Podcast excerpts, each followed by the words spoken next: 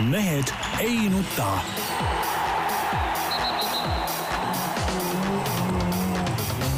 mehed ei nuta. selle eest, et mehed ei nutaks, kannab hoolt Unibet, mängijatelt mängijatele.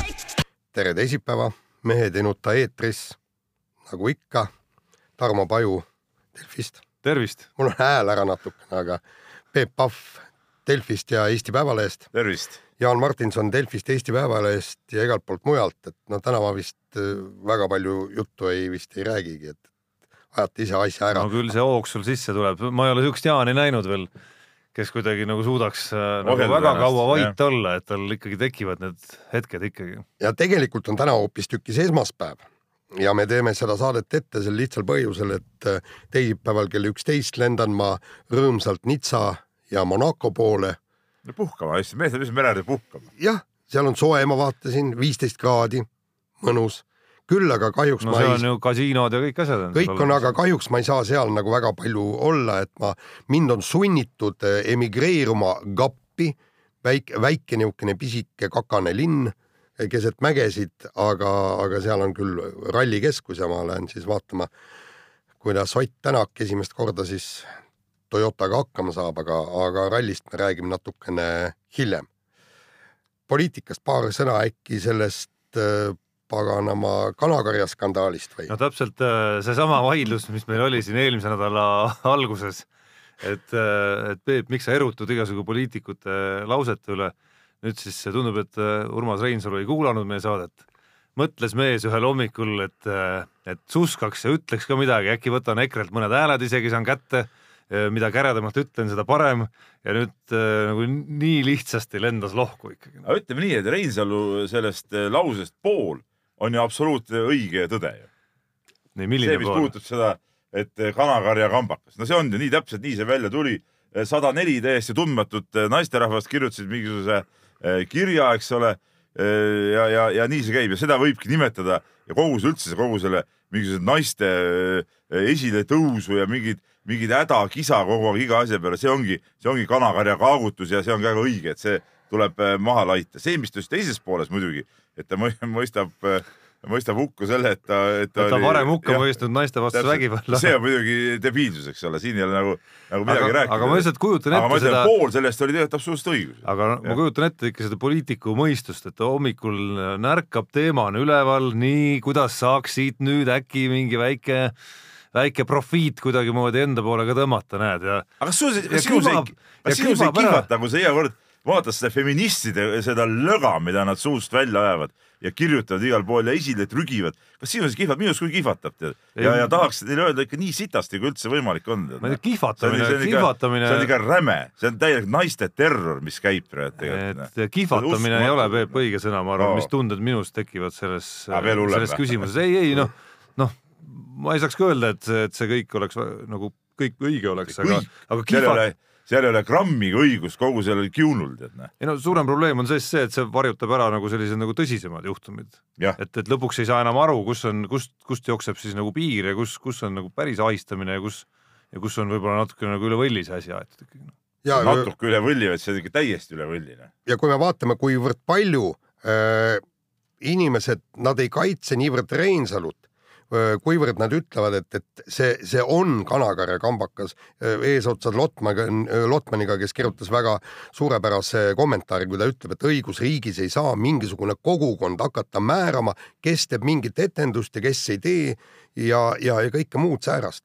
ja, ja, ja veel väga paljud inimesed on, on tõesti öelnud, nad ütlevad, et neil on suht savi kogu sellest NOM üheksakümne ühest ja millest, aga me ei saa teha niimoodi, et sada kakskümmend kaks inimest leiab, et meie oleme nüüd need, kes kehtestame siin riigis seadusi või korda või mida iganes, paraku.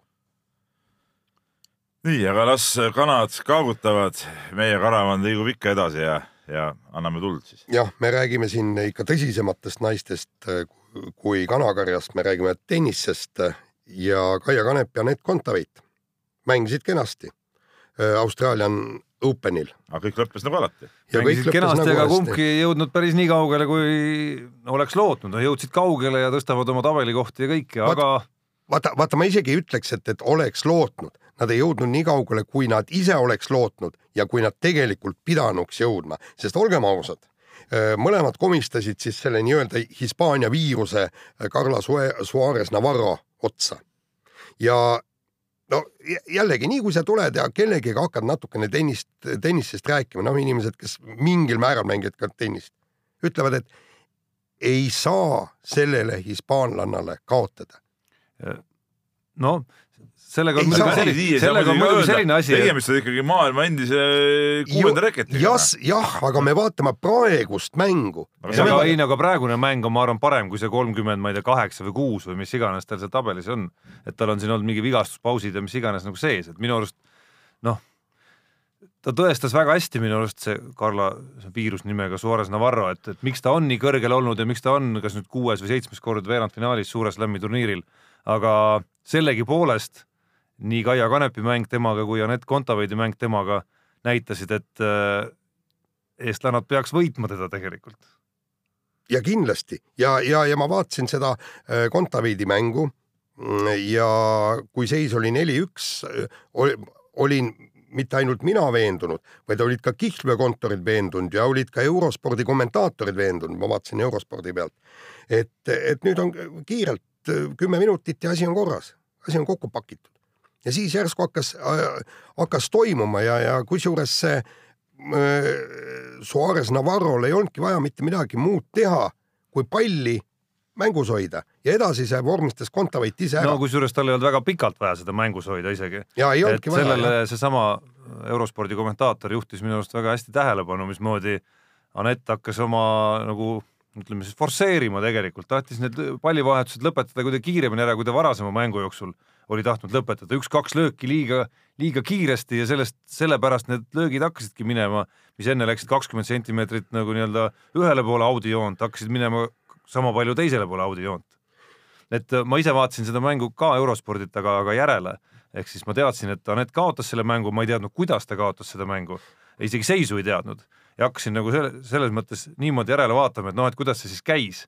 ja kaks korda selle mängu jooksul tõstsin nagu käed taeva poole, et, et kuidas, kuidas küll, üks oli seesama neli-üks pärast, kui ta kahe, kahe murde kätte sai ja siis paus tuli ja siis silmnähtavalt ikkagi midagi oli siin jõudnud selle pausi jooksul mõelda. ja noh, teine oli muidugi seesama viis-neli kolmandas setis siis, kus ta ka murdega sai ette juba. nojah, aga ma, ma ausalt ei saa mehete jutust nagu hästi aru praegu, et, et, et, et ei saanud kaotada ja, ja oleks pidanud võitma ja paraku äh, seis null kaks Eestile, no mõlemad meie naised kaotasid ja, ja, ja, ja midagi pole teha, noh. ei saa öelda niimoodi, et oleks pidanud võitma, kui tegelikult elu näitas, et, et ta võitis mõlemad need matšid meie naiste vastu. noh. jah, ja, ja sellepärast ta mängis, mängis, mängis oma mängu, ta mängis kindlat mängu ära sa ei saa lööki. öelda, Jaan, et ta on viletsam kui Kontaveit Ei, ja kindlasti ei ei saa öelda. no,. ütlesid, no kuule, aga kui ta ei ole viletsam, mille põhjal sa ütled, et oleks pidanud võitma? no ütleme, meie naiste potentsiaal kindlasti on kõrgem kui Suarez Navarrol. aga mille pärast ei ole see potentsiaali suudetud avada, sest et, sest et ta on olnud, ma räägin veel kord, maailma kuues reket on olnud. just, just ja, ja, ja see meie üks, kumbki meie naistest Just. ei ole sinna lähedalegi jah, kuigi Suarez Navarro nagu niisugust kerget limiteeritust näitab ka see, et ta ei ole veerandfinaalist, hoolimata sellest, et ta on maailma kuues olnud, veerandfinaalidest ta ei ole kunagi kaugemale jõudnud Suure Slami turniiridel, ei ole, aga ole. meie omad ei ole ka kuuendad olnud, et maailma kuuendalt eeldaks võib-olla, et ta ikkagi oleks võib-olla mingi sammu edasi teinud, võib-olla nüüd teeb muidugi aga, aga see, mida seesama eurospordi kommentaatorgi tõstis esile ja mis selle matši ju tegelikult otsustas, oli, mis on ilmselt väga palju Suarez Navarro karjääri üks nagu selliseid noh, edusaladusi, ütleme siis nii, on see, kuidas ta on alati suutnud mängida kõiki punkte äh, ühtemoodi, sõltumata sellest, kas ta on parasjagu nagu täiesti läbiseis, on väga tasavägine seis või ta on juhtimas. Ehk siis ta on kogu aeg nagu selles hetkes suudab püsida ikkagi, millega tundub, on äh, oma karjääri jooksul olnud raskusi nii Kaia Kanepil kui, kui on viimasel ajal eriti olnud Anett me raskusi tõsi, kui jälle positiivse poole pealt, võtame ring varasema mängu Ostapenkoga ja, ja me seal nägime pigem, et Ostapenko ise hakkas seal hoopis, mitte Kontaveit ei hakanud turniiri murenema. faas. Ja see oli ütleme, faas- ütleme see muster on ju tegelikult nii Ka- Kanepil kui Kontaveidil läbi karjääri olnud ühesugune tegelikult ju. kui on kätte jõuavad nii-öelda otsustavad mängud, siis ühtemoodi need mängud ju kaotatakse. jah, kuigi me võiks öelda on, olnud nagu korraks selles mängus ka mingi variant ja aga siis pole midagi välja tulnud ja lõpuks kaotatakse no päris nii ei saa ka öelda, et sama mäng Ostapenkoga ei saaks öelda, et see tähtsusetu mäng oli, see oli No jaa, üks tema karjääri üks tema karjääri silmapaistvamaid võite tuli sellest mängust ikkagi, esimest korda Suure Slami turniiril võitis maailma esikümne mängijat. et, et noh, selle mustri järgi oleks võinud ka selle mängu ära anda ja murduda ja selle pika game'i kaotada ja, ja siis kohe mäng, mäng sinna no aga otsa ta ikka ei jõudnud kuhugi, see muster on ikka sama, Tarmo, saad aru, et nad ei ole ikkagi kumbki mitte kunagi mitte kuhugi jõudnud. no Ja- Suure Slami turniiri neljanda ringi ja veerandfinaali kohta ei saa öelda, et kuhugi pole jõudnud edasi pole jõudnud ei, aga vaata selle Ostapenkoga mäng, seal oli kaks asja, üks point oli see, et, et seal oli võti selle mängu võitmiseks olemas. ega Ostapenko täiesti olematu teine serv, mida sai tõesti rünnata, noh, ütleme niimoodi, et pool, pool meie öö, toimetusest lööksid seda, no ei, kindlasti. on, on ära, ei ära nüüd. Jaan no.. ei no see, see, see oli hale ju, sada kilomeetrit tunnis. meil on ju, Raulgi mõõtis oma serve ära kõvasti pealt saja kilomeetri tunnis. et seda oli võimalik punkt, esiteks öö, ära lüüa, neid serve ja teine oli see, et ta leidis kuskilt endalt, Kontaveit leidis selle, selle, selle jõu ja ja kuidagi läks sinna, sai mängu sisse tagasi, kuigi ta kaotas ju teise, teise seti, aga, aga nüüd ta, kui see lagunemine algas, lagunemine kestis lõpuni välja ju tegelikult. jah, ja noh, kui veel meenutada sedasama, sa Jaan tänases loos väga hästi tõid seal äh, loo kõrval ära need nii-öelda variandid, mida mängija võib hakata mõtlema ja mis on need mõtted, mis äh, mis nagu kätte maksavad, eks ole, mis pidi saab üle mõelda, alates sellest, kuidas, et äh, mis ma seal võidukõnes ütlen, kuni selleni välja, et äh, seda on, seda on nagu noh, golf on nagu sarnane mäng, kus on needsamad nii-öelda mõttemängud tulevad seal, kuna löökide vahel on ikkagi pausid, kus äh, see asi võib minna nii kaugele, et sa hakkad mõtlema mingeid mõtteid, sa ei ole enam selles hetkes ja siis järgmisel hetkel sa hakkad nagu ennast parandama, et oi-oi, nüüd ma hakkasin niimoodi mõtlema veel ka, et nüüd on täitsa metsas, et siis äh, nii-öelda golfipsühholoogid on öelnud, et et see on veel kõige hullem, mida teha saab, et sa hakkad nagu veel enda peale pahandama nende mõtete pärast seal, et jõle peen kunst ja On. lihtne on nagu nii-öelda vaadata kõrvalt, mismoodi see nagu juhtus, aga teine asi, mismoodi sellest nagu jagu saada jah, seal, seal on see, et, et tõesti hakkad mõtlema, et pagan, ma olen nendes hetkedes ära nüüd jumala pärast lagune, sa oled ju enne nendes hetkedes ära lagunenud või teine asi, hakata seisu vaatama. nii, oh, mul on nüüd kaks geimi vaja võita, kõik, ma olen kahe murdega ees, eks, ja hakkad kõik sellele mõtlema ja, ja ja, aga enne kui sellest kõigest üle ei saa, enne ei ole mingist Ega suurest mõtet rääkida. ei olegi, ei olegi. asi on väga lihtne ja selge tegelikult Jah.. nii ongi. ja no midagi ei ole öelda, see tennis, mida Anett mängis seisuni neli-üks teises setis, see oli tõesti vapustav tennis tegelikult. ja see ei maksa mitte midagi, kahjuks, kahjuks ei maksa aga mitte midagi. oli, oli vapustav tennis. oli vapustav tennis, eriti kusjuures mitte niivõrd esimeses setis, kuivõrd teises setis, sest esimene sett oli tegelikult vastasel oli kolm murdepalli temal oli üks, tema kasutas ära, vastane ei kasutanud, aga noh, muidugi kaitses hästi, tõrjus, et no liikus hästi, vaata tõi ju imelisi palle ära, aga just see teise seti algus, see oli täielik see ongi müstika. mentaalne või see peavärk, sest see tuleb korda saada ja siis võivad tulla ka tulemused, noh. Aga enne ei ole noh raske rääkida., mulle siiski tundub, et see turniir, noh mitte ei tundu, ma arvan, me oleme isegi ühel nõul, et see turniir Aneti praeguses äh, nii-öelda karjäärifaasis läheb ikka selgelt nagu positiivse poole peale. Kindlasti, esiteks kindlasti., esiteks kaheksakümnendfinaali koht tulemusena loomulikult. ja teiseks võtta see viimane pool aastat nüüd alla, kus äh, äh, võtsin korra lahti tema selle nii-öelda matšide lehe, kus äh, kolmesetilisi mänge suutis ta vahepeal vist kas kuus või seitse tükki. tükki. järjest kaotada. kuus tükki kaotas jah, kõik järjest, pluss seitsmes oli vist see, kus ta loobumisvõidu andis. jah, jah, et noh, seda kas lugeda või mitte, onju. et, et ta sai sellest mustrist nagu nüüd mingil määral välja ikkagi, sest enne selle mõõna alguse hetke oli ta ikkagi e- eelmise aasta esimeses pooles, oli see saldo kolmesetilistes mängudes selgelt tema kasuks ikkagi. just.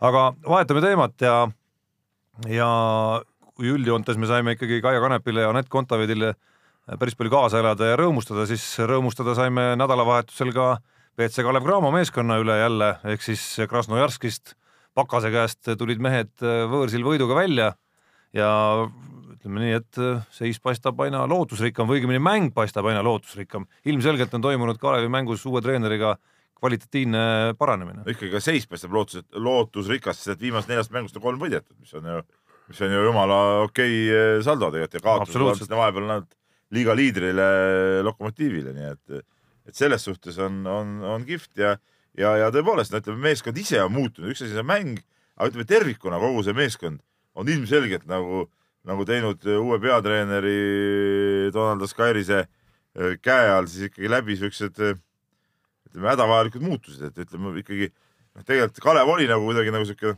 kuidas ma ütlen, nagu, nagu tardunud, tardunud meeskond, ütleme selleks hetkeks, kui see vahetus tehti ja, ja nüüd on ta nagu üles raputatud. kõik pingutavad, suudavad pingutada ja, ja, ja, ja kuidagi see mentaliteet on hoopis teistsugune kusjuures ma juhtusin ka seda mängu vaatama, mängu lõppu just ja okei okay,, roniti ka kaotusseisus välja Äh, okei okay,, vastane seal pakkus ka muidugi kandiku peale. ja, jah, aga, aga, aga just need, see lõpus, kuidas järsku hakkab, vaata, mis toimub, nihukene pressing võeti peale, isegi siis, kui oldi eduseisus, eks, et pandi vastane ja kõik pingutasid. seal ei olnud niimoodi, et, et umbes keegi on poolpehme jalaga seal ajab oma asja, et seda oli tegelikult kihvt oli vaadata. eks seda juttu, kui Kairis tuli, et, et noh, ta tahab seda agressiivset kaitset mängida ja kõike ja, ja seda ka siin on, on teised mehed välja öelnud ja ma isegi mõtlesin, noh, et no kuidas ikka seal nende mõnede meestega seda agressiivset kaitset mängida, et see nagu ei noh, ei, ei tule kuskilt otsast välja, et nad on siin ju kogu aeg tiksutanud siin siukest rahulikku, rahulikku ja passiivset mängu, aga näe, on võimalik küll, noh. ja nii ongi, noh. jah, ja, ja, ja koos selle uue hingamisega on ka minu arust rünnaku poole peal ikkagi individuaalselt meestel päris hea nagu enesekindlus peal, et seal võtad, ma ei tea, Janar Jõesaared või Kristjan Kangur viimases mängus või Äh, Stendimu sokku vabaks jääb, paneb ära, noh Mirkovitšist ma üldse ei räägi ja Priskost, kelle enesekindlust ei kõiguta ilmselt miski äh, samamoodi mitte, aga üks asi, mida ma, mis mul natukene hinge peal on sellest, kas ka nädalavahetuse mängust, on seesama Isaiah Briscoe, et minu arust on siin kuidagi nagu osaliselt meedias, aga veel rohkem ütleme seal kuskil kommentaariumides ja sotsiaalmeedias, aga ka meedias, kui sa vaatad kasvõi seda mänguülekannet ja, ja meie ekskolleeg Carri Naldo äh, nii-öelda ütleme siis hinnanguid, et ja, ja, ja kaaskommentaatorite hinnanguid, siis kas nagu selle Isaiah Briscoe, kes on ikkagi Kalevi üks selgeid liidreid ja parim korvikütt no, ja paremaid söödumehi. keskmise punkti arvult äh, suurim korvikütt. ja et kas tema rappimisega nagu liiale ei minda, et, et ilmselgelt on temast ikkagi Kalevile nagu väga palju kasu olnud ja on endiselt ei, jätkuvalt no, ka. aga, aga iga, jah, aga iga tema eksimust võimendatakse kuidagi nagu sellisel moel, et, et noh võtame ta nüüd välja ja ärme, ei tohi väljakule anda ja palli ei tohi ka tema kätte anda. Noh. no selge see, et natuke on äh, seda üle võlli keeratud. Äh, see on ka selgemaks selgem, eks ole, et, et mehe teatud hetkedel kasutegur on ikkagi suur, aga samas äh, tõepoolest on ka, on ka see, ütleme, see käibki tal nagu üles-alla neid hetki, kus ta muidugi töötab selgelt kahjulikult meeskonna jaoks, neid on ka päris palju. et see ongi nüüd nagu see treeneri osavus, et mis hetkel ja kuidas ta suudab teda seal nagu ohjeldada ja ja panna tegema niisugust mängu, mis on meeskonna kasuks, tegi viimane mäng, seal oli kakskümmend punkti ja vist ka seitse söötu, kui ma mäletan õieti. noh, siis ei saa öelda, et ta nüüd eh, meeskonnale ei mängi ja seitse söötu on päris, päris kobe number ja, ja ta üldse keskmiselt söötu arvult on vist teine praegu eh, Kalevis, et, et seda ka nagu öelda ei saa. loomulikult tal noore ameeriklase siukseid tüüpe lollused löövad, löövad välja ja, ja võib-olla trennis alati ei ole kõige siuksem, noh, kõige usinam tööline ja nii edasi aga no temast vabanemine või, või noh, ütle üldse. ei no okei okay,, seda ei ole keegi veel nagu ei, tõstatanud no, üles, aga noh, selline toon on küll pigem. tema mittekasutamine äh, on, on, oleks ilmselgelt Kalevile nagu kahjulik, sest et äh, ikkagi ma ütlen, et teatud olukordades ta on mees, kes on võimeline mängukäiku muutma ja, ja teatud olukordades ka meeskonda tassima. et eesmärk on, ma arvan, ka läbi nende vigade natukene, mis tuleb ilmselt läbi teha ikkagi nagu hooaja käigus ja mängude käigus kasvada ja, ja paraneda. et ühel hetkel, ühel hetkel neid eksimusi enam ei tule ja ühel hetkel noh, ei pea üldse nendel teemadel võib-olla rääkima nii palju no.. ei maksa unustada, tegemist on kahekümne ühe aastase mängijaga, kus nüüd meie need kahekümne ühe aastased mängijad on, vaatame, eks ole, nad on ju kuskil, noh, polegi need. nii on.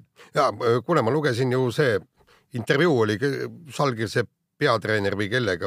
Roberto Savtokas. jah, ja spordidirektor. spordidirektoriga jah, ja, ja, ja, ja kui seal, seal ütles, et meil ei ole mingisugust muud võimalust läbi lüüa, kui me ei arenda meeletult oma noortesüsteemi.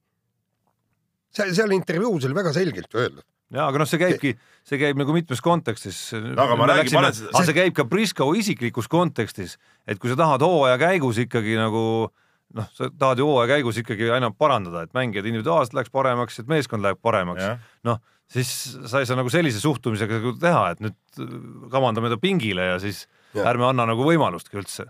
ja ei, aga, aga see oli võib-olla tõesti kont kontekstiväline jutt, et see on, see on vihje Kalevile.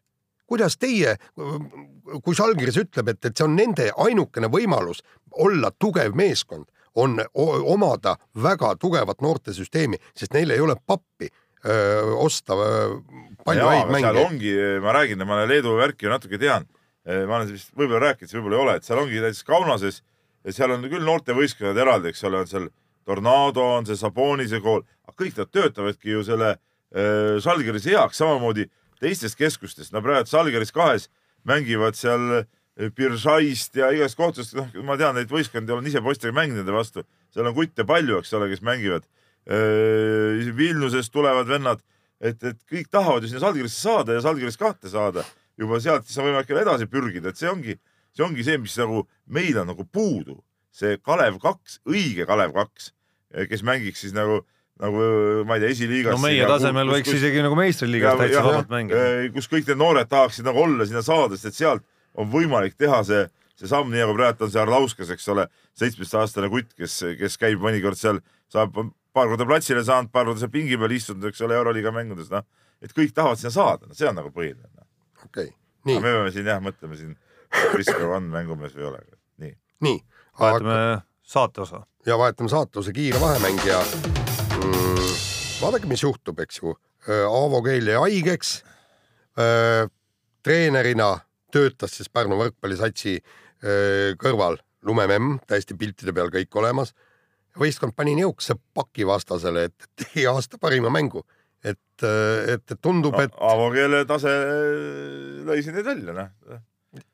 viletsam kui lumememm. No siit võiks võib-olla eh, erinevad klubid ainest saada või erinevad koondised või võistkonnad ainest saada, mismoodi asju ajada, kus minu arust ka Läti, Läti alaliit teeb suure vea, et ta maksab Aavo keelele suurt palka, eks ole. Jah. no jama on selles muidugi, et võrkpallimängud toimuvad enamasti ikkagi nagu kevad-suvisel perioodil.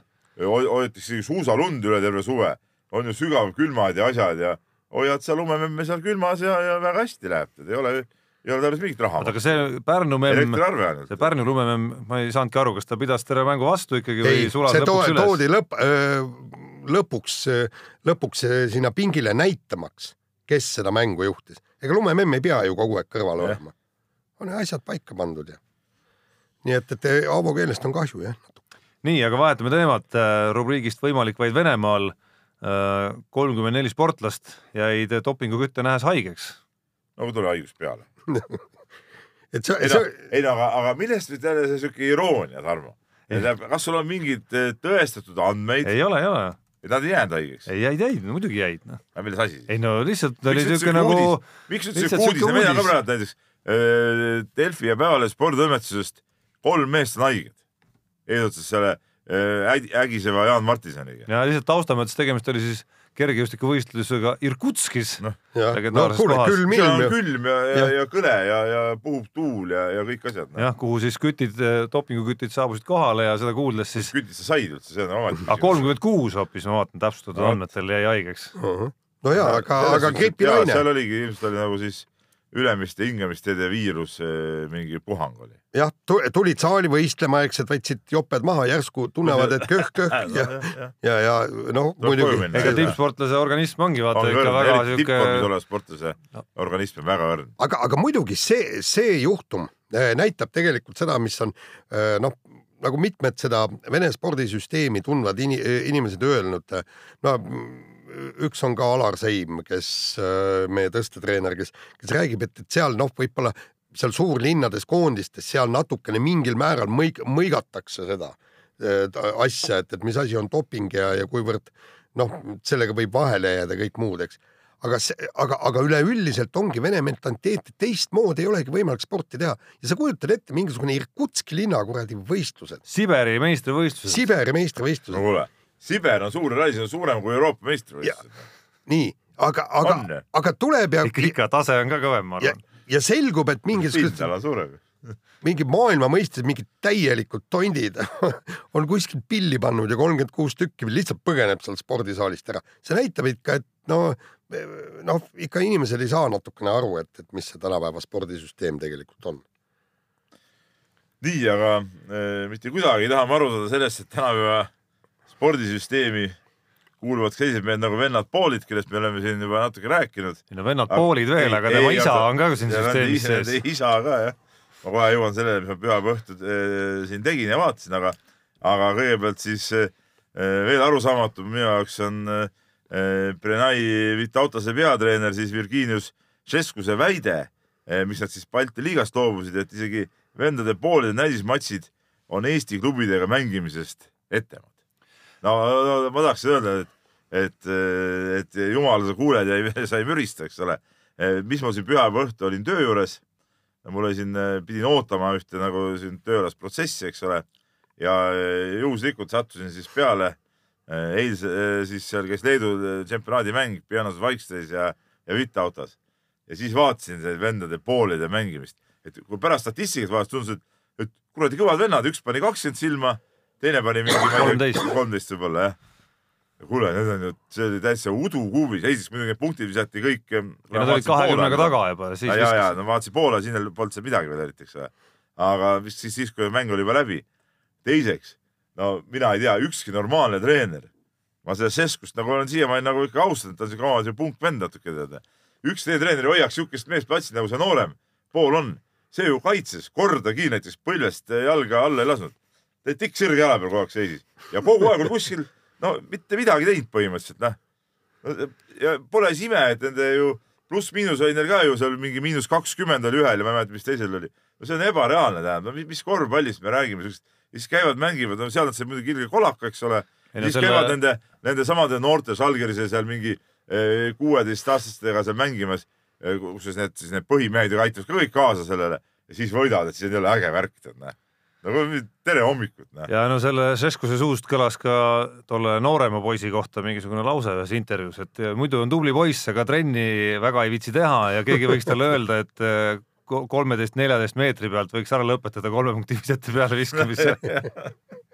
aga kas mitte see, vaata nüüd oli Aga- see, see uudis, et eh, üks, seesama see noorem, mis pidi minema, vaata alguses ju ei, Žalgirise ta loobus sellest. ja, ja ma räägin, et, et loobus, no see juba näitab ära, eks ole, et julged minna ja kõik see, kõik see värk, no ongi, siuksed vennad ongi, nad seal mingi spordiga ei saa midagi pistmist, aga, aga kahju, kui eh, Sesku-sugune mees arvab, et see siuke palagan on ka parem kui Eesti klubidega mängimine. no tal oli tegelikult äh, minu arust see pealkiri natukene äh, noh, paneb arvama enne, kui sinna korra sisse süveneda, et see, et, et tema see seisukohavõtt käis ju rohkem ikkagi selles suunas, et kui on Balti liiga mäng, mida, mis siis kahtlemata vastab tõele ka, siis üldiselt ei huvita see mitte kedagi, noh aga kui, aga kui on need nii-öelda show-mängud, noh siis on vähemalt mingi show ja publik ja tähelepanu ja kõik et noh, ses mõttes ega ta midagi valesti ei öelnud, et loomulikult on ägedam aga ma ei saagi aru, miks see inimene läheb mängida. seda siukest mängu vaatama, no see oli, nagu tsirkus on meeldinud rahvale no ju aegade algusest saadik. mul oleks nagu, nagu süda pahaks, oleks nagu lennuks saanud, ma oleks seda oksekoti vahepeal võtnud, noh, see on No. tõesti nii õudne. Peep, sa ka oled ka käinud tsirkuses käinud, vaadanud, kuidas koerad jalgrattaga sõidavad ja?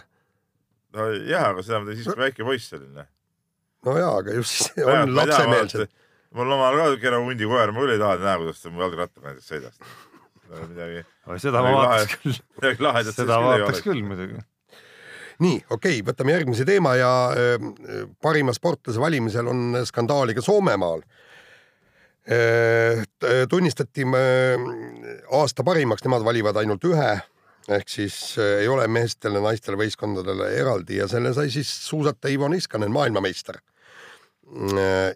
ja, ja rahvas oli muidugi pahane, sellepärast et rahvaküsitluse ülisuur lemmik oli muidugi Lauri Markkanen, NBA korvpallur ja juba ette räägiti seda, et me kõik teame, kes on parim Soome sp- sportlane sel aastal, aga me teame ka seda, et niikuinii tuleb äh, õigusmõrv.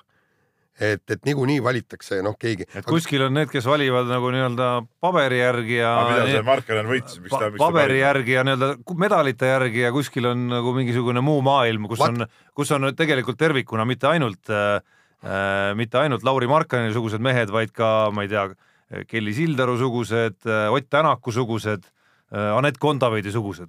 muide, seal soomlastel on tegelikult, nad on juba öö, varemgi natukene selle parima sportlase, seal valivad ajakirjanikud ja nad leiavad, et, et, et meil tuleks ajakirjanikud rahva käest ära võtta see hääletamine. ja kõik on õige, aga, aga meil on vähemalt normaalsed ajakirjanikud. aga, aga seal väidetavalt äh, on, on see, et, et enamus ajakirjanikke, kes sportlasi valib, ne, ne, neil on äh, ainult üks kriteerium, sul peab olema ila äh, äh, suunurgast jooksma ja, ja sul peab suus veremaitse olema, kui sa sporti aga see ongi ju spordi mõte. ja, ja, ja, ja NBA-d muide, nad peavad üldse ka tsirkuseks ja palaganiks. tsirkus ju tegelikult ju. selles suhtes ma ütlen nii, et äh, nii ongi, no vaata, näiteks mis- oota, oota, oota, Tarmo, oota? NBA, vaata NBA No. ja Euroliiga võrd, vaata, tuli see Salgrisse see Benno Udrich, noh, kuule, ta ei saa kaitses, ta ei saa isegi mind kaitses kinni, rääkimata seal nendest meestest. Aga mees peab- mängis NBA-s mingi sada hooaega. esiteks Peep, Noh. Ka NBA-s Beno Udrich ammu enam ei ole mingisugune eriline tegija. seda küll, aga ta oli. jah Noh. teiseks pane ükskõik milline Euroliiga klubi ikkagi nüüd tõsises mängus vastamisi ja miskipärast nad kaotavad nendele pullimeestele ja kindlalt kohe. ja vaata siis need No hakkavad, need pullimehed hakkavad siis pingutama. Muidu noh? omavahel sa teevad tsirkust. ei no küll nad hakkavad pingutama, kui seal mängu lõpud on käes või aga, aga no kui tõsi, okei okay,, räägime parimate valimistest, mina tunnistades ausalt, ma ei näe mingit varianti, et Lauri Markkanen, kes on, pole mitte midagi eelmine aasta teinud ju, on, Kuidas- oleks parem kui Ivo Niskanen. Ivo Niskanen on suusatamise maailmameister ju. kui Eestis oleks niisugune valik äh,, igal juhul oleks ju, igal juhul oleks kui, kui äh, oleks tulnud näiteks äh, Karel Tammer suusatamise maailmameistriks, ta öelda, et ta poleks aasta meessportlane, igal juhul oleks olnud. ja, ja, igal juhul ja oleks ja isegi Ott Tänak siis, poleks mitte mingil juhul võitnud seda nii tiitlit. ja, ja, ja isegi siis, kui meil oleks korvpallur, kes oleks eh, NBA meeskonna parimaid mängijaid, loomulikult. Kes lisaks veel ka koondise särgis siiski Just. Tegi väga vägeva EM-i. ma ei ole selles kindel. ma küll olen kindel. muide, minu okei okei okei, Peep, me, me jällegi vaatame aga see, aga see sinu, muuseas see sinu, see, mis sa arvad, et äh, Markkanen ei ole nagu äh, veremaitse suus nagu treeninud või? no seda enam ei. no võistlustel ei, ta Jaani ila ei tilgu.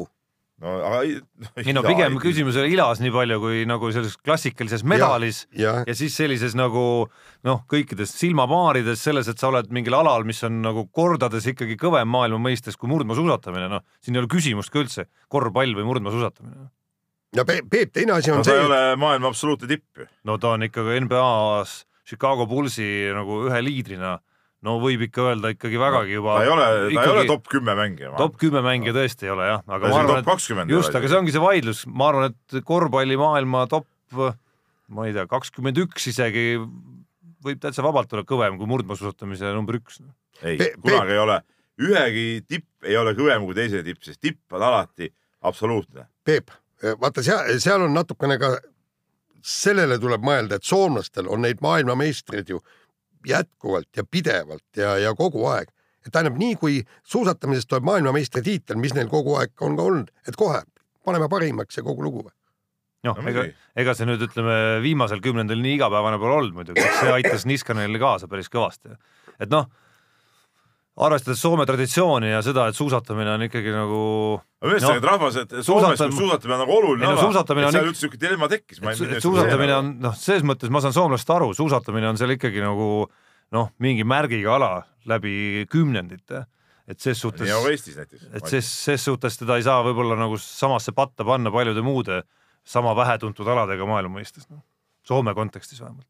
nii, aga lõpetuseks meil on äh,, pole ammu olnud rubriiki Nädala Ronaldo, aga täna on põhjus olemas, sest äh, oh sa pime, oh sa ime või kuidas iganes see lause käis.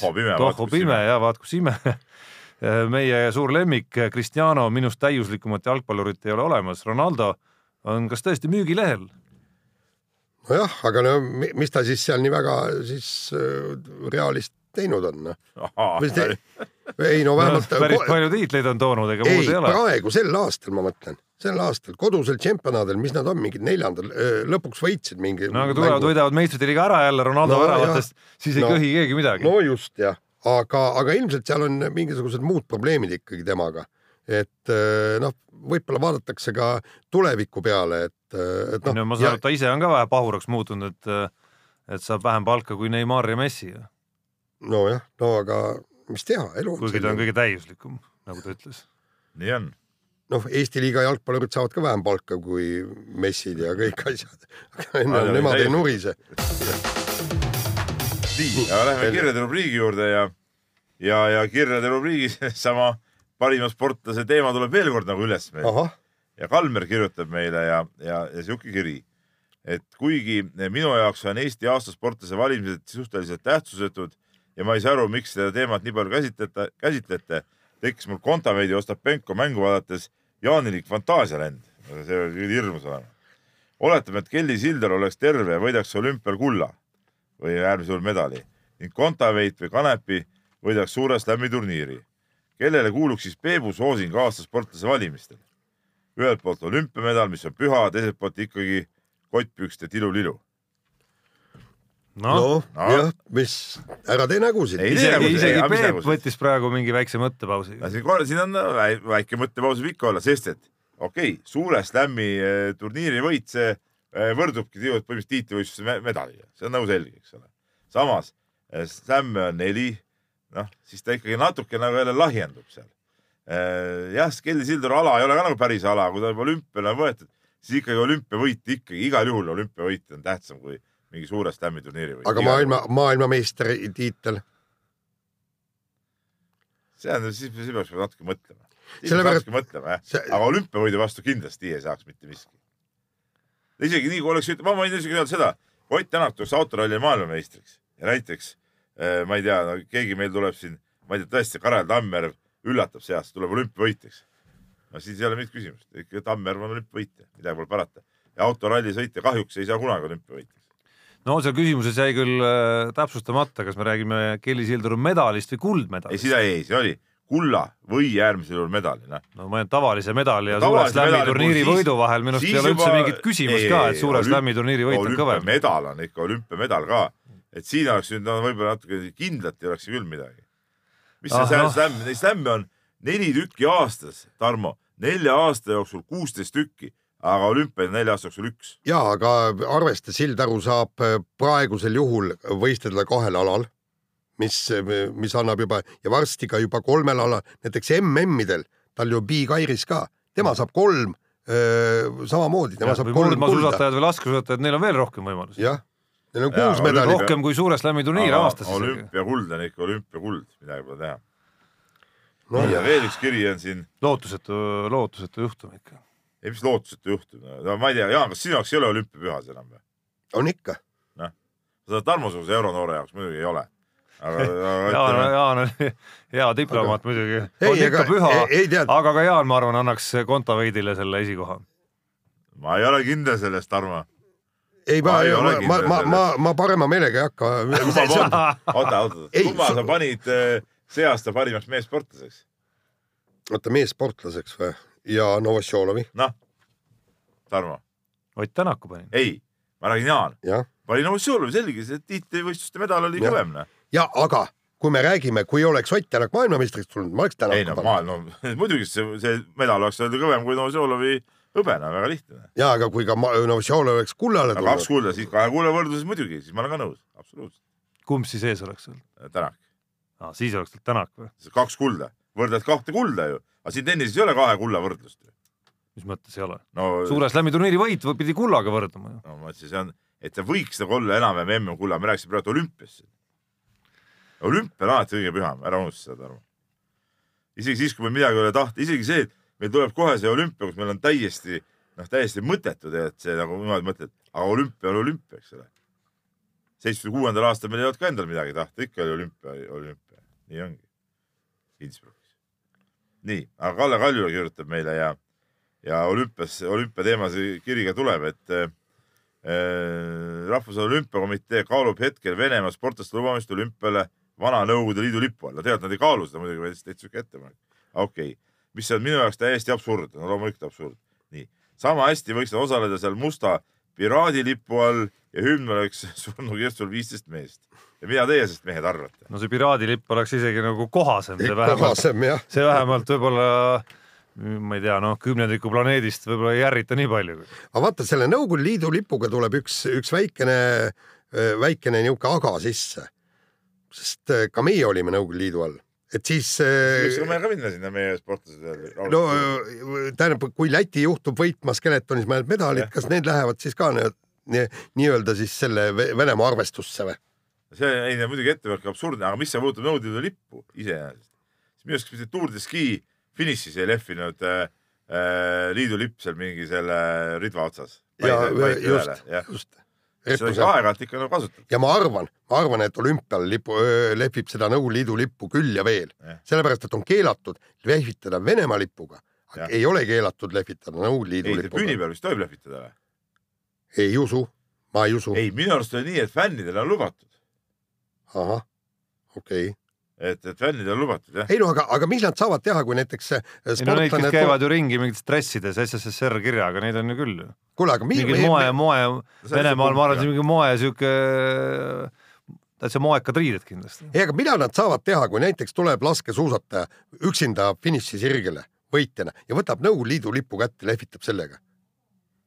ta ei tee ju midagi valesti. Ma saan aru, et, et ta ei tohi lipp, mida pole olemas jah, ja kuskil ei öeldud, ei et no põhimõtteliselt pole olemas., Sirbi ja Vasara öö, see logo, Nõukogude logo ei ole ju keelatud. no põhimõtteliselt äh, ma arvan, kindlasti leiab mingi pügala, millega Ei, maha miks? võtta, seal on mõe- võetud maha ju igasugu asjadega seal aga. kui ma tuleksin, ma ei tea, mis see öö, on see lilla lipuga näiteks. ei või, või see või, paganama Vikerkaar. vikerkaare kas siis lipuga. võetakse ka maha või? Ma ei tea reegleid, ma ei hakka üldse siin aga spekuleerima. nüüd sa ei ei, tea, ei, aga siis kui siis kui lihtsalt- Nõukogude Liidu lipuga, siis ta juba teab. ei, ei, ei, ma lihtsalt meenutasin, et mingi igasugu imeasjadega on siin maha võetud ju küll. noh. ei no on küll jah, aga ma arvan, et minu arust siukest reeglit ei ole, et, et kui okei okay,, Vene lipuga sai tulla, siis võetakse muidugi maha, et see on keelatud, see on arusaadav. aga, aga ma ei usu, et Nõukogude lipuga maha noh, seda saab näha. nii, aga paneme siis oma teemadega edasi ja jääme talispordi juurde ja öö, nüüd on kõik kvalifikatsioonivõistlused peetud, nüüd loetakse punkte, täna peaks olema mingisugune kindel kellaaeg, kui kõik need punktid saavad loetud ja viimased MK-etapid, mis läksid noh, nii-öelda ol- olümpiakvalifikatsiooni arvesse. noh, ega sealt midagi väga ei tulnud. midagi ei tulnud. no midagi tuli, vanameister Roland Lessing sai kolmekümnenda koha ehk siis nii-öelda murdma mõistes ühe punkti, MK-punkti, aga no tegelikult ütleme, kui oleks murdmaas laskesuusa punktisüsteem, siis äh, võib-olla oleks täitsa nagu Andreas Veerpalu üle ka rõõmustamist. no ja, ja aga mida sa rõõmustad? kas sa rõõmustad nende MK punktide lasud, mis on saadud kolmekümne teise koha eest? No ütleme, kui see kolmekümne- kui see kolmekümne teine koht on äh, ikkagi ütleme, noore sportlase elu parim koht, siis noh, vähemalt äh, nina vissi ei lähe. siis noogutame tunnustavalt, aga, aga punktideks me seda ikka ja, ja jääme oot- ja noh, siis jääme ootama, et äh, mingi sarnane tulemus võib-olla tuleks veel ja siis veel mõned korrad. ja kusjuures kiirusuisutajad, kuigi okei okay,, seal paljud staarid puudusid, sellepärast sai Martin Liiv võistelda isegi suisa A-grupis, jäi, jäi seal küll viimaseks, aga korjas jälle punkte ja ja Alusalu oli Alusalu B-grupi neljas. Ja, ja kusjuures ma vaatasin, sellesama ajaga A-grupis oleks ta olnud kümnes üheteistkümnes. Mhm. nii et, et äh, noh, ma tõesti ei tea, kui palju seal puudusid ja mis seal toimub, aga, aga kiiruisutajad olid päris tragid. Jaan tahtis praegu näidata nagu välja nagu üles varianti olümpia kiiruisutamisest tulla esikümnesse muidugi rahulikult. ja öö, see niisugune variant on. aga noh, kõige nagu Nagu tähe- täitsa, surmtõsisel ilmsel ilmel veel kusjuures. kõige tähelepanuväärsem ikkagi oli minu arust nädalavahetusest äh, ja nüüd kogu sellest olümpialisest perioodist see, et äh, meie sprinterid, kes siin hooaja algul äh, justkui nagu panid isegi nagu mõtlema, et, et äkki on mingisugune midagi nagu muutunud, täitsa nulliring jälle. noh. ja suur kaotus ka, ajaliselt ikka väga suur kaotus. neliteist sekundit, noh kaheksateist sekundit, noh. see, see. et oli, et oli see üks välgatus ja, ja sinna see kõik jäigi. Ja nagu ikka, aga me rääkisime, Jaan, mäletad? ma ei mäleta, kas siin rääkisime, aga ma sulle ütlesin kindlasti toimetasin seda peale seda, kui see esimesel MK-etapil need värgid tulid. varemgi on meie suusatajad MK hooaja alguses sprinterid olnud head ja siis hakkavad vaikselt vajuma, vajuma, vajuma ja niimoodi, täpselt niimoodi ongi läinud tegelikult. nii kahju, kui see ka ei ole. ja teine, ja teine asi on see, et, et kuulge noh, mis need laskesuusatajad tegid siis noh? Aga sõiduaeg noortel meestel, no kuidas ei saa see selle aga vastu? naiste laskesuusatus on selline tea, et see Johanna Talihärm ikkagi ilmselt saab äh, selle koha. ei, tema saab, siin ongi vahepeal uudis tulnud, et tema saab, aga, aga ülinapilt äh, Jäid ikkagi välja. jäid välja teised et. Toomingas ja, ja kes seal oli siis, Oja või? jah, ja kui see, et kui oleks, oleks M-kumb neist äh, ühe lasu vähem nii-öelda mööda lasknud äh, Anterselvas, oleks olümpial. ja, ja, ja kusjuures teil on kõigil see võimalus olemas, no see, vaatasin öösel Ameerika võtti, seal äh, toimusid poolfinaalid ja minu meelest väga ilusasti ko- kommentaator ütles, kui, kui noorel mängujuhil oli see võimalus nii, et, et kas, kas, kas sa suudad vana Tom Brady meeskonda alistada kõik niimoodi, et meeletu pinge, kõik, kõik on närvis, kõik, ta ütleb, aga kallis mees, sellest sa oled ju lapsepõlvest saati unistanud, sellest hetkest, et sinu käes on pall ja näita, viib meeskond Super Bowli ja täpselt samamoodi on ka see Anett Kontaveit ja täpselt samamoodi on need laskesuusatajad, teil on võimalus olemas, te olete ju kõik sellest unistanud, tehke pagan see ära, aga ei, ei mingit olümpiat. teistel. nojaa, aga nüüd ongi jälle need murdmaad nüüd ootavad neid hädaabikohti, eks ole. see on siuke naljavärk ju tegelikult, noh. ja eks ta ole jah, noh, noh, tegelikult see ei ole see ei ole nagu päris sport, see on nagu, et ajasin lati maha, aga ikkagi nagu läks kirja nagu oleks üles. Peep, ma ikkagi enne olümpiat tahan sinult kirjalikult äh, täpselt allkirjaga kinnitatud äh, teemasid, millest ma seal olümpial kui nad aru kirjutan. saaks, siis Jaan nõuab seda mu käest peaaegu iga päev. aga noh, tunneb, et ta on hädas sellega. aga nagu ma kiiresti kontrollisin, siis ma saan aru, et Jaan, et ka see noor mängujuht ikkagi Tom. Brady vastu ei saanud. ei saanud, midagi ei ole teha, nelikümmend on tal juba käes või, Brady'l. jah, jah, just, nii on, mõned lihtsalt on kõvad. Ja nii ongi. Äh, vahetame teemat, räägime natukene Eesti jalgpalluritest, kes äh, päris hulgem ja me räägime siis ütleme Eesti mõistes ikkagi nagu tipptasemel jalg, jalgpalluritest, ma kellest siiski, loen siit sõna kellest- jalgpallistaare ja nüüd sa loe need nimed ette, need kellest staarid. ma, ma, mina, ma ei räägi staaridest, see on Jaani kõnekasutus, aga aga me räägime ikkagi mängijatest, kellest enamik on kas koondises või koondise vaateväljas, on siis otsimas omale meeleheitlikult klubisid või, või tahavad meeleheitlikult klubi vahetada. ikkagi välismaale kindlasti, kes on kodus, tahab välismaale, kes on juba välismaal, ei taha kindlasti koju tulla. Jaan on visanud üles küsimuse, äkki peaks nad hoopis kõik koju tulema. no, no siin kui ma vaatan seda nimekirja, eks ole, siin on see Frank Liivak, kes minu arust on eh, kogu oma elu veetnud, eks noh, algselt alguses oli isa ka noore poisina välismaal ja jäigi sinna välismaa klubidesse mängima, oli seal mingid süsteemides sees. Aga ta ei ole ju, ta on jooksnud, ma ei tea, palju ta klubisid, kus ta läbi käinud on, et igast, viimati oli vist Bosnias ja, ja mis imekohad seal kõik on olnud. ta pole kuskil ju midagi mänginud ju. ma üldse ei saa aru, kuidas ta üldse neid klubisid saab, ta mitte kunagi mitte kusagil ei mängi. noh, ta ütleme saab kuskile klubisse ja siis ta seal on lihtsalt, aga ta nagu platsile ju kunagi ei pääse jah, no noh, loeme nimed ette, no minu arust tema ju. asi oleks küll tulla koju kõigepealt, vaadata, kas ta nagu siin Eestis hakkama saab ja siis hakata välja uuesti vaatama. Saaks kasvõi mingi enesekindluse kätte, et ta saab mängida vähemalt saaks, noh, mis mõte on jalgpalluril mängida kuskil ei saa. tema puhul olen ka mina täitsa nõus, et, et vahepeal mingi stabiilsus võib-olla kuluks ära lihtsalt ja mingisugune noh, küllap see tuleks enesekindlusele kasuks, kui siin kõmmutada võib-olla tõesti puurid äh, palle täis. aga noh, mis Mattias Käiti näiteks puudutab, kes on lihtsalt suht õnnetus olukorras natukene seal oma koduklubis, klubis, mis võitleb ikkagi nagu nii-öelda iga punkt on arvel hetkel seal, kus treener ei taha riskida seal nagu kopika eestki, siis et seda teed minna, nagu me siin rääkisime Kaunase Žalgiris näiteks onju, et seal, et seal, et seal riskida mingisuguse punkti kaotusega, et noh, ilmselgelt on tal vaja mingisugust klubi vahetust ja ilmselgelt ma arvan, ta ei peaks Eesti liigasse Käit sammuna tulema. ei Käit muidugi ei peaks tulema. Käit siis peab natukene laskma latti allapoole, et et ta saaks ka mängida, eks tal on ka seda vaja. see ei pruugi isegi kusjuures olla lati alla laskmine, just, see ei pruugi isegi lati alla laskmine olla, vaid piisab võib-olla sama tasemel klubi, kes võib-olla natukene nagu nii-öelda vabamas situatsioonis. jah, Ja- et kellel on vaja nagu siukest mängijat. aga, aga, aga kogu selle asja juures ma ikkagi selles mõttes ei saa aru, et, et mis mõttes otsivad klubi. et eh, noh, kui sa, kui sa oled tegija, kui sa oled tegija, siis sind lihtsalt võetakse, palgatakse, tule siia, tee me meditsiiniline test ära, oled korras, oledki meie, meie mees. no nagu sa seda listi nägid, päris paljusid on võetud ka siiski. jah, aga, aga, aga taaskord vaat siit tekib järgmine küsimus, kui me räägime, et me tahame tugevdada oma liigat ja, ja, ja noh, ja, ja kui me räägime, eks, et kõik need öö, Joonas Tann, Tamm ja Rauno Sappinen ja Karl Mööl, need peaksid väljas mängima ja kõik. ja, ja aga noh, selleks, et see liiga tõesti toimuks mingisugune nagu märkimisväärne tasemehüpe, peaks, ma arvan, erinevatesse klubidesse kokku umbes äh, ma ei tea, viiskümmend jalgpallurit lisanduma, et siin toimuks mingisugune arvestatav nagu tasemehüpe ja, ja aga ütleme nende teiste jaoks või et Jaa. Zappinen jääks siia ja et see, et see liiga tase oleks nagu hüppeliselt teine, siis peaks ikka igas klubis olema, no ma ei tea, neli-viis meest nagu juures, kes seda taset tõstavad. ja aga saate, saate aru, see liiga kindlasti ei tugevne, kui ka Sappinenid ja Tammet siit ära lähevad. Ja räägid nüüd põhimõtteliselt seda juttu, mida ma rääkisin paar Ja saadet aga noh, Joonas Tamm ja Rauno Sappinen peavad ikka nagu enda peale mõtlema, mitte selle peale, et kui tugev on Eesti liiga või mitte.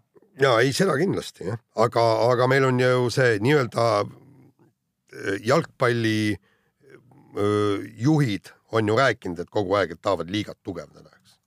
siit, siit on see küsimus. nii noh, aga- ilmselgelt, kui me nagu kasvõi palgatasemest räägime, siis äh, ei no seal Eesti ei ole, mingit siis Eesti klubid isegi, ma vaatasin seda listi, mis olid meie enda loo juures vist olid list nendest palluritest, kes on nagu klubi vahetanud siin juba või vahetamas ja seal oli ju mehi, kes olid kas Fääri saarte klubis näiteks ja Maltal ja noh, ilmselgelt isegi seal on äh, nii-öelda turu, turuseis nagu soodsam ei ikka. muidugi, ja miks ta peaks ei ütlema sel juhul siis? noh, mängida Fääri saartel. no mis see Fääri saared nüüd siis nagu Eestist No. niivõrd nagu nüüd siis kehvem on? nojah, see peab ikka hea papp olema. noh, jah, on ta siis parem või? ei, ma ei usu. nii, aga tont sellega.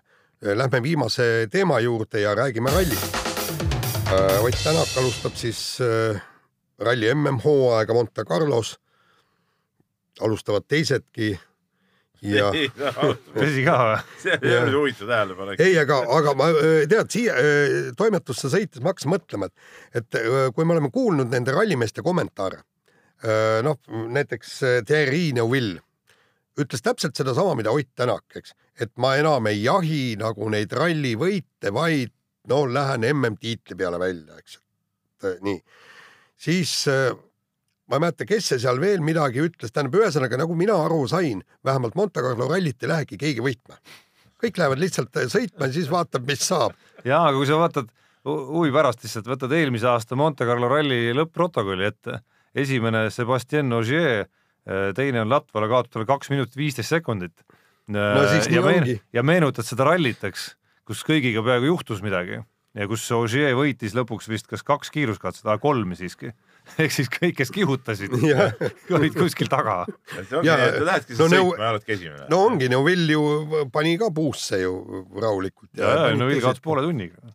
ja jah, just nii, et aga, aga ega selle Monte Carlo ralli pealt nagu Ott on ka öelnud, et äh, ei saa öö, hooajale mingit hinnangut anda. nii nagu ei saa ka pärast Rootsi ralli pealt veel anda.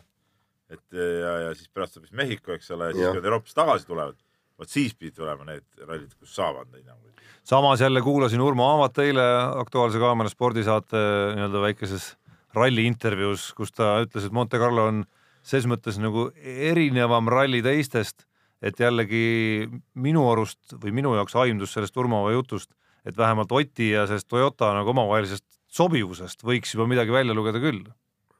seda kindlasti midagi annab seal nagu vaadata, et kas ta, kuidas ta selle autoga üldse klapib või sõidab, seda kindlasti saab ükspuha, mis olud on, eks ole, see on, see on selge. Ja see ongi, see ongi see põhiline suur eh, küsimärk praegu, et, et, et noh, kuidas see siis tegelikult on, üks asi on see, et, et sa jah, võib-olla testis sõidad, tunned ennast mõnusalt, aga nüüd on vaja nagu täiega panna, vot mis siis nagu, mis see olukorrad siis on? Ja võrreldes teistega nagu.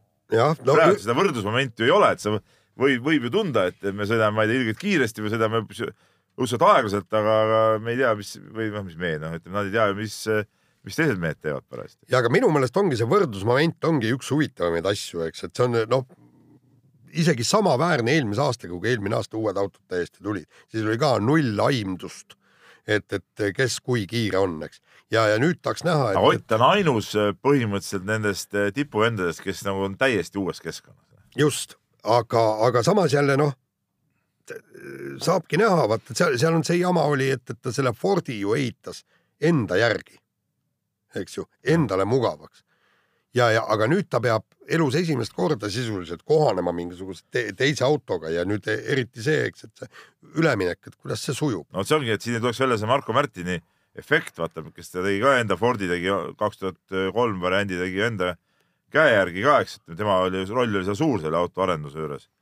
pärast läks teise tiimi hoopis teine auto, eks ole, ja noh, sealt need tulemused ei, ei hakanud kohe niimoodi jooksma. ja, ja samas, samas näed, eks see Ogier tuli öö, Oti valmistatud autosse ja, ja no sõitis maailmameistritiitlile, aga ta kogu aeg nurises. jaa, nurises, aga, aga ikkagi Ja ta- sõitis, selles suhtes sõitis ikka kohe ära, et ta ja seesama esimene ralligi võitis, ta, ta, ta, tal oli seda kogemust nii palju lihtsalt.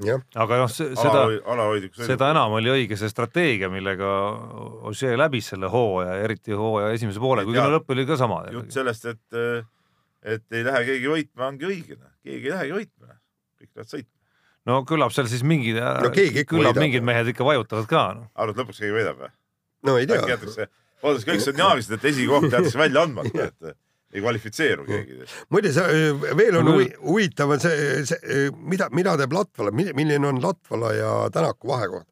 sellepärast, kaks varianti minu arust, et kas, kas äh, Latval on äh, ilgelt kõva võrreldes Tänakuga või ta lihtsalt põleb läbi paneb bambusse, bambusesse. sest ta ei saa, ta ei saa kindlasti kaotada Ott Tänakule. see nagu, see nagu oleks tema, see ta ego pihta ikka räige laks. see oleks ego pihta ja, ja mäletad, kuidas ta üks aasta Poola ralli viimasel kiiruskatsel Otiga konkureerides ju ära käkerdas, oli tema ju? vot ma ei mäleta, ma ei mäleta. kas see ei olnud temaga see, kui Ott kolmandaks tuli seal üle-eelmine aasta?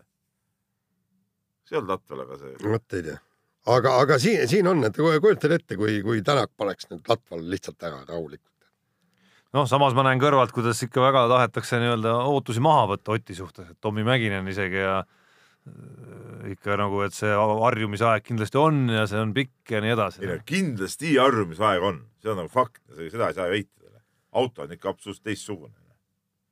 et see on nagu selge, et harjumisaega läheb seda aega. just aga, noh, aga noh, see läheb päris kiiresti neid asju. Saab näha. järgmise saate ajaks on juba asi klaar. jah, asi on klaar ja, ja muide juba Rootsi ralli juba seal ju poisid ütlesid, et, et, et seal on see seadustus enam-vähem paigas, et auto liigub lumel vähemalt väga hästi. äkki mul õnnestub ka siis see Oti esimene poodiumkoht ära näha. mida ma siiamaani pole näinud. no see oleks juba korralik alus, ütleme tiitlivõidule Jah. või mis iganes heale hooajale, kui kui ka Peebu kohal olles hakkavad poodiumikohad tulema. no see tähendaks juba meistritiitlit, pool meistritiitlit oleks siis käes. et kui Peebu eelmise aasta rallidele ütleme panna paar poodiumi kohta kasvõi, siis oleks hoopis teine seis olnud no lõpuks siis oleks hea otsinud maailmameistriks võib-olla. no nii, sellega on meie saade lõppenud, mina põrutan Monte Carlosse, teie jääte siia maha, aga kuulake meid nädala pärast, siis me oleme tagasi juba. mehed ei nuta.